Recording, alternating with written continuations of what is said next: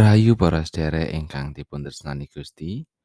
Mugi-mugi kita sedaya tansah wonten ing kawontenan ingkang kebak tentrem rahayu saking Gusti Allah. Pepanggihan malih wonten ing Sabda Winedhar, renungan wedintenan basa Jawi. Sasarangan kita badhe gegilut sabdanipun Gusti, kita ndedonga langkung rumiyin. Gusti Allah Rama kawula ing swarga mulya saha langgeng. Matur nuwun Gusti awit sedaya berkah pangrimat paduka ing gesang kawula.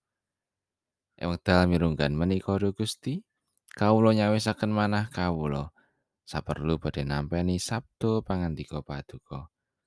Mugi Gusti madangi manah kawula satemah kawula kasagetaken mangertosi saha nindakaken sabda paduka menika. Kawula ngrumaosi tasih kathah dosa kalepatan kawula. Mugi Gusti kersa paring pangaksami. Matur nuwun Gusti. Wonten ing asmanipun Gusti Yesus Kristus kawula ndedonga. Amin. Para sederek waosan dinten menika kapendhet saking kitab Yesaya bab sekawan dosa kalih ayat dosa ngantos pitulas. Padha ngunjukna kekidungan anyar marang Sang Yewah. Lan ngluhurna panjenengane saka ing poncoting bumi. Segara cik ben gumuruh telasan isine kabeh. Tuwin pulo-pulo telasan kang nggoni kabeh. Ora-ora samun kareben nyuwara seru. Telasan kutha-kuthane lan desa-desa kang dienggoni kedar. Kang nggoni gunung parang cik ben padha surak-surak. Kareben padha nguwuh-uwuh saka ing pucaking gunung-gunung. Cek ben padha nyaosi kaurmatan marang Pangeran Yewah. Tuwin padha martakno bab anggone ngluhurake panjenengane ana ing pulo-pulo. Pangeran Yewah majeng perang kaya dene gegeduk. Kaya dene prajurit anggone nggigah semangate perang. Panjenengane surak-surak malah nguwuh-uwuh marang para mungsuhe. Panjenengane nedahake kaprawirane. Ingsun kendel wiwit ing biyen mula. Ingsun kendel lan ngampet. Saiki ingsun jerit kaya wong wadon kang larani ingsun menggah-menggah lan menggeh-menggeh. Ingsun bakal ndadosake gunduling gunung-gunung lan tengger-tengger. Sarta damel aluming sakae tetuwuhane. Ingsun bakal ndadosake kali-kali padha dadi lemah garing tuwin damel asat ngerenging telaga-telaga. Ingsun bakal nuntun para wong wuta ana ing dalan kang durung tau padha diambah. Tuwin iku padha sun lakokake. Ing dalan-dalan kang durung disumurupi, pepeteng kang ana ing ngarepe bakal sun dadekake padang. Sarta tanah kang mendak mendukul bakal sun dadosake tanah warata. Ya iku bab-bab kang bakal sun tandukake marang wong-wong mau. Lan kang mesti bakal sutindakake. Wong kang padha kumandel marang reca tatahan bakal padha mundur lan kawirangan. Yaiku para wong kang celatu marang reca citakan paduka menika Allah kawula. Makaten pangandikanipun Gusti ayat najeng ayat pitulas. Wong kang padha kumandel marang reca tatahan bakal padha mundur lan kawirangan.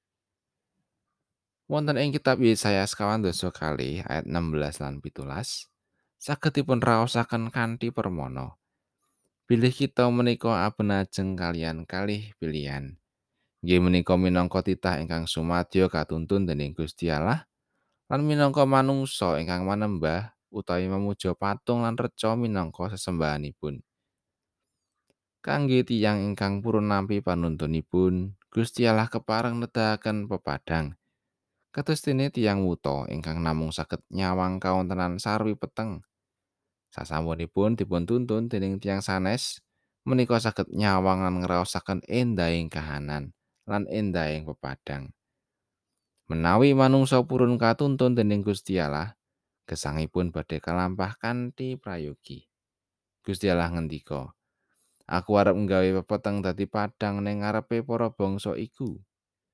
Menika prastyanipun Gusti kang kedah dipun ugemi. Benten kalian ingkang sami ngabekti dumateng Gusti, tiyang ingkang manembah brahala, patung telah reca, gesangipun sami blasar lan sang saya rekaos. Ing ayat 17 dipun cethakaken, wong kang padha kumandel marang reca tatahan bakal padha mundur lan kawirangan. Tegesipun, gesangipun tiyang ingkang sami nyembah brahala menika badhe nemahe kapitunan lan kacilakan. Menika kados dene urip ing sesuketan ingkang oyotipun boten manggihaken toya, ingkang enggal layu lan pungkasanipun garing. Saking perkawis menika cetha bilih kawontranipun tiyang ingkang manembah brahala menika benten sangat kalian tiyang ingkang sami ngabekti dumateng Gusti. Tiyang ingkang katuntun dening Gusti menika gesangipun tumuju dhateng kasainan. Dene ingkang nyembah brahala menika tumuju dhateng karisaan lan kacilakan. Kados pun ditumrap kita. Badhe milih ingkang pundi? Prayogi tansah tuhu setya lan manembah dumateng Gusti. Pramila gesang kita badhe katuntun ing margi ingkang prayogi. Amin. Lubering